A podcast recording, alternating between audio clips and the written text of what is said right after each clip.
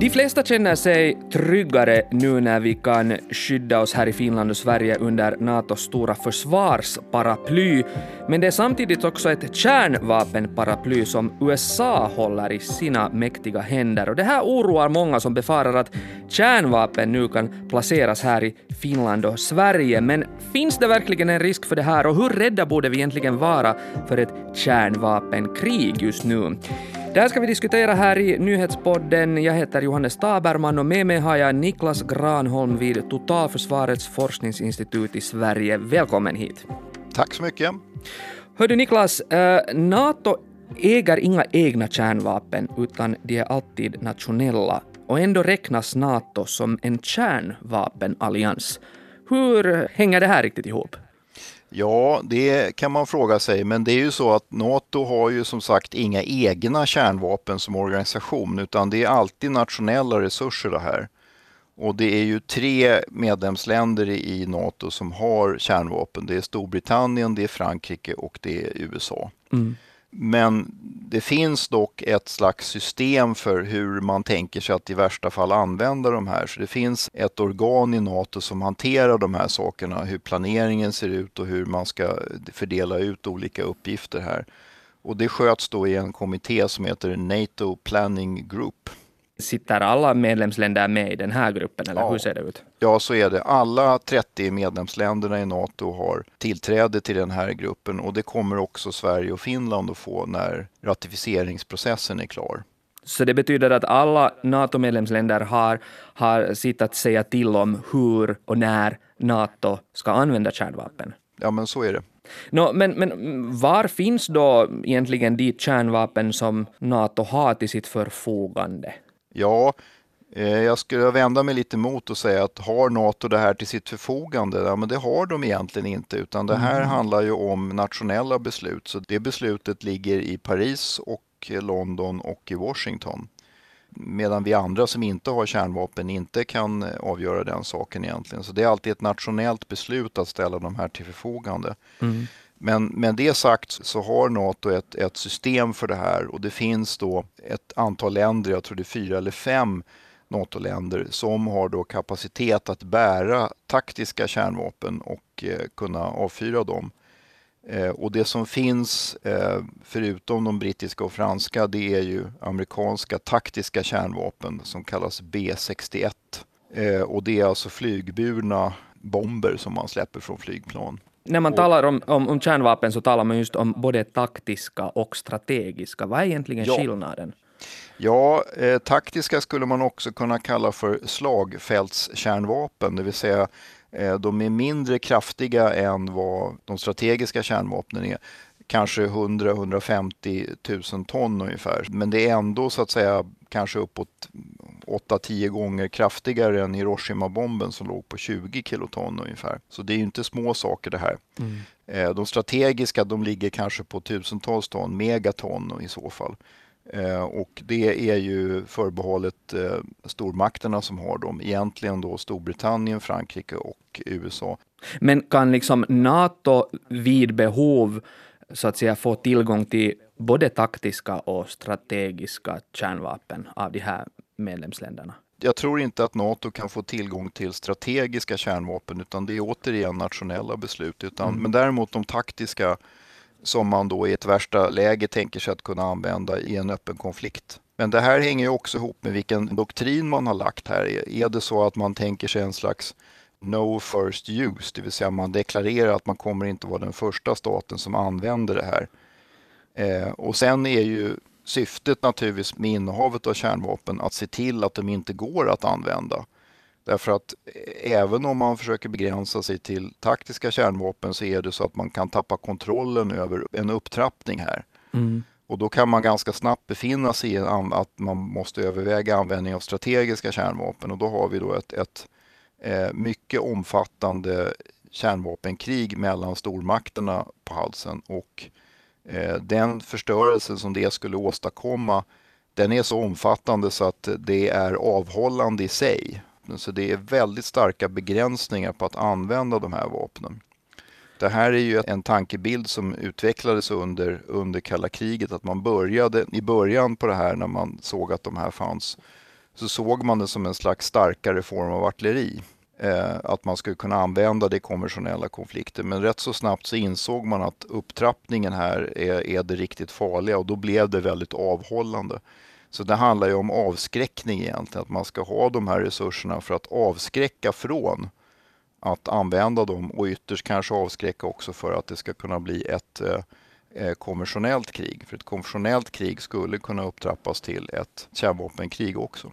Eh, jag vill liksom försöka fundera just med den här avskräckningsfunktionen som de ju har, så hur, hur hårt skulle du säga att USA då håller Natos så kallade kärnvapenparaply i sina egna mäktiga händer? Ja, jag tror att det är precis som du säger. Det här håller man ganska hårt i den här resursen.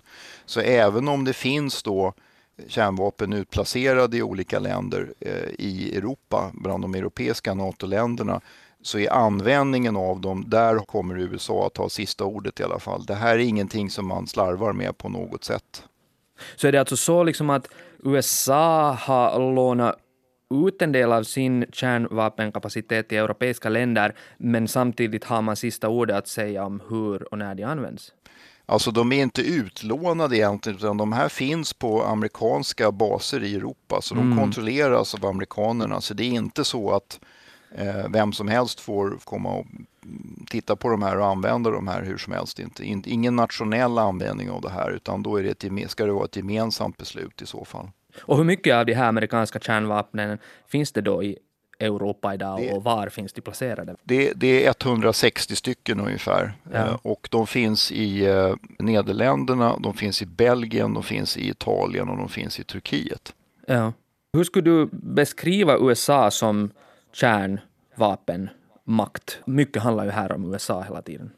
Nej men alltså USA är den eh, dominerande kärnvapenmakten med taktiska kärnvapen, strategiska kärnvapen, de kan vara flygburna, de finns på land i olika eh, silor inne på amerikanska kontinenten och de finns inte minst ombord på strategiska eh, ubåtar som seglar runt i världshaven som är mycket svåra att hitta. De är väldigt tysta och de går på stora djup och de kanske finns också under under polarisen som man gör att det är svårt att eh, komma åt dem. Men de kan träda i funktion med 15 minuters varsel om man skulle vilja. Ja, ubåtar är väl också det som Storbritannien använder sig av, eller det är väl där också som britternas eh, kärnvapenarsenal ja, finns? Så är det. Så är det. Eh, och eh, britterna brukar ju säga att de har liksom en minimum credible and affordable, alltså det är en minimal avskräckningsresurs, den är trovärdig och den är kostnadseffektiv. Och det här innebär att man har kontinuerligt en strategisk ubåt ute med kärnvapenstridsspetsar. Eh, och den, den opererar då kontinuerligt och det är då brittiske premiärministern som och endast han, han eller hon som har möjlighet att avfyra eh, den här kapaciteten. Just det. Och sen har vi då Frankrike, eh, tredje NATO-landet som har kärnvapen. Men, men, Frankrike är väl lite speciellt här eh, för ja. att man vill hålla, hålla de här kärnvapnen till sig själv på något vis. Kan du förklara? Ja, det är ju samma med Storbritannien också, att det här är nationella resurser. Eh, och sen så finns det då uttalanden långt tillbaka om att de här hålls då som en, brittiska hålls som en, som en resurs för, för Europa också. Eh, I Frankrikes del så har man inte ställt de här resurserna till eh, Natos förfogande utan de finns med där och Frankrikes kärnvapenarsenal är också mer omfattande än den brittiska så att Dels har man samma som britterna, det vill säga ubåtsbaserade kärnvapen. Men det finns också eh, landbaserat flyg som bär kärnvapen samt eh, kärnvapen som bärs ombord på eh, hangarfartygsbaserade flygstridskrafter. Så det är, en, det är en, eh, tre olika komponenter egentligen och det gör att man kan flytta runt det här. Eh, och Frankrike har ju också besittningar i eh, Stilla havet och Indiska oceanen och annorstädes. Så det är ganska långa avstånd här som man tittar på. Mm. Men alltså när man talar om kärnvapen och NATO så handlar det om USA, världens näst största kärnvapenmakt efter Ryssland, så sen då Storbritannien och Frankrike.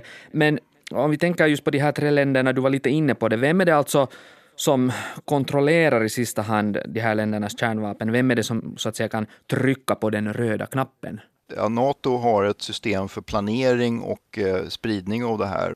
Men i sista instans så är det ändå alltid nationella beslut som det här handlar om, om de ska sättas in eller inte. Är det då liksom eh, i USAs fall presidenten som trycker på knappen? Ja, ja så är det. Och i, i Storbritanniens fall premiärministern och i Frankrikes fall är det också presidenten som gör det.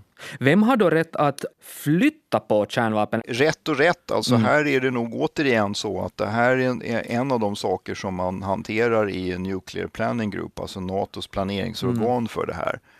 Eh, och just nu så finns det då i, i fyra olika länder de här, de här vapnen, men om de ska flytta så tar man nog upp det föreställer jag mig i Nuclear Planning Group. Men varken Sverige eller Finland har ju insyn eller deltar i arbetet i Nuclear Planning Group ännu.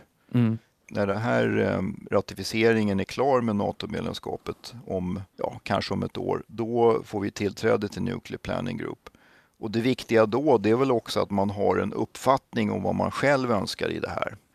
Många oroar ju sig nu för att, att eh, kärnvapen kan börja placeras till finländsk och svensk mark nu när båda länderna ska bli NATO-medlemmar. Men, men tror du liksom att amerikanerna eller britterna eller fransmännen verkligen skulle vara redo att placera sina kärnvapen i Finland och, och Sverige? Nej, det tror jag inte. Jag, jag, ser inte riktigt behovet av det heller därför att om vi tittar på de amerikanska här så ser vi att de är ju flygburna. Eh, och då kanske det är lättare att ha dem i det land man redan har dem och sen så, så använder man då flyg i så fall. Om det här nu till värsta fall skulle behöva användas. Men det ligger ganska långt borta och jag tror att kärnvapentröskeln är ganska hög för att innan man börjar fundera på det här. Men det är som sagt inte någonting som man slarvar med det här och bara ställer ut lite hipp som happ i, i eh, till exempel Sverige och Finland. Mm. Och särskilt inte eh, om Sverige och Finland uttrycker att man inte önskar det heller. Det finns inga krav nej. från Natos håll? Liksom. Nej, nej, det gör det inte. Och vi har ju tydliga exempel på det här också och det är ju Danmark och Norge som är medlemmar i Nato sedan 1949. Och ganska tidigt så deklarerade man att bägge länderna önskar inte att ha militärtrupp permanent baserade på eh, sina territorier och man önskar inte kärnvapen baserade på sina territorier heller. Eh, och det har hållit sedan dess. Och jag tror att vi hamnar nog någonstans där också i Sverige. Ja, många, många eh, kräver liksom nu att Finland och Sverige borde just följa den här norska och danska modellen och deklarera att vi inte vill ha några ja. kärnvapen på till exempel finländsk mark i fredstid. Men jag menar liksom, är det här bara frågan om en symbolisk signal eller gest då som saknar praktisk betydelse, eller hur ska man säga på det? Ja, återigen så pekar jag på Danmark och Norge. Om det var en symbolisk gest så har den haft effekt sedan 1949. Mm. Det behöver vi inte oroa oss för, utan det här kan vi påverka själva. Då. Eh, så vi, vi kommer inte att eh, bli påtvingade kärnvapen, det, det, tror jag vi kan, eh, det tror jag vi kan utesluta. Men allt det här gäller ju naturligtvis i fredstid. Om man hamnar i ett krigstillstånd, ja då, då kan det vara andra förutsättningar som gäller. Men kärnvapnen ska inte fungera så att de är eskalerande eh, och ökar spänningen redan när de finns i fredstid, utan det där sköter man väldigt försiktigt på det sättet.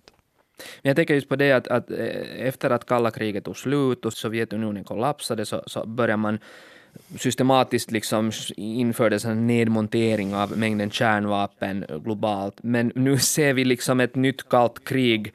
Så, så hur går det med den här kärnvapennedmonteringen nu?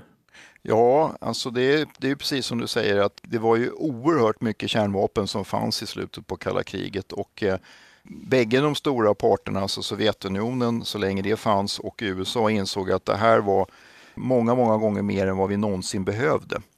Eh, så då skedde ju då i det mer gynnsamma säkerhetspolitiska klimatet en, en nedmontering av det här som du säger. Så att väldigt mycket av de kärnvapenstridsspetsar som fanns eh, avvecklades och monterades ner. Men eh, jag tror att det viktigaste här som sker nu det är att kunskapen om hur man tillverkar kärnvapen och hur man håller det här sprids på fler och fler stater. Så att vi har fått fler stater också som har kärnvapen. Iran strävar ju efter det här och det kan också vara så att fler stater skaffar sig kärnvapen. Vi har också sett Nordkorea som har gjort det här under senare år. Och det är klart att ju fler stater som har de här ultimata vapnen desto svårare blir den här ekvationen med eh, kärnvapenstrategisk stabilitet. Mer oförutsägbart. Ja. ja. Så jag menar, hur oroade borde vi vara för ett globalt kärnvapenkrig så som läget i världen ser ut just nu? Jag, jag, är inte särskilt orolig för det därför att jag tror att vetskapen om hur kraftiga de här vapnen är, eh, det innebär att eh, det finns en stark avhållande faktor för att använda dem också. Eh, och även om vi nu ser ett Ryssland som inte riktigt var förutsägbart på samma sätt som vi, som vi trodde och det här är ju det som president Niinistö har uttalat väldigt tydligt här att eh, se er själva i spegeln, det är ni som har åstadkommit det här eh, genom att inte uppträda förutsägbart så tror jag inte att man är, med, är så långt, så irrationell att man omedelbart skulle börja kasta kärnvapen och använda det på olika sätt här. Men eh, jag tror också att det ultimata skyddet är just kärnvapenparaplyet. Men är inte egentligen det ultimata skyddet mot eh, ett kärnvapenkrig det att man förstör alla kärnvapen i världen? Ja, alltså det finns ju en del, del eh, som förespråkar det, alltså en, en gemensam total kärnvapennedrustning. Men flera stater som, som har skaffat sig kärnvapen säger att ja, men om vi har den här bomben då får vi i alla fall vara i fred. Därför att då har vi ett, ett ultimat nationellt verktyg att skydda oss från eh, att någon försöker ta över vårt land. Mm. Man, man brukar tala om å ena sidan nedrustning eller total avrustning, det vill säga man, man lämnar de här sakerna totalt och, och hel, i stor öppenhet avskaffa dem. Mm. Men det kan också vara så att man försöker, försöker ägna sig åt eh, rustningskontroll eh, och kanske begränsningar också på hur många kärnvapen man skaffar och vilka typer och så. Men andemeningen med alla de här avtalen och på något sätt överenskommelserna och den här balansen är, kan man då säga att, att, att det stora målet är någon form av kärnvapenfred? Hur konstigt ja, den låter. Kärnvapenbalans kan man kalla det. Mm.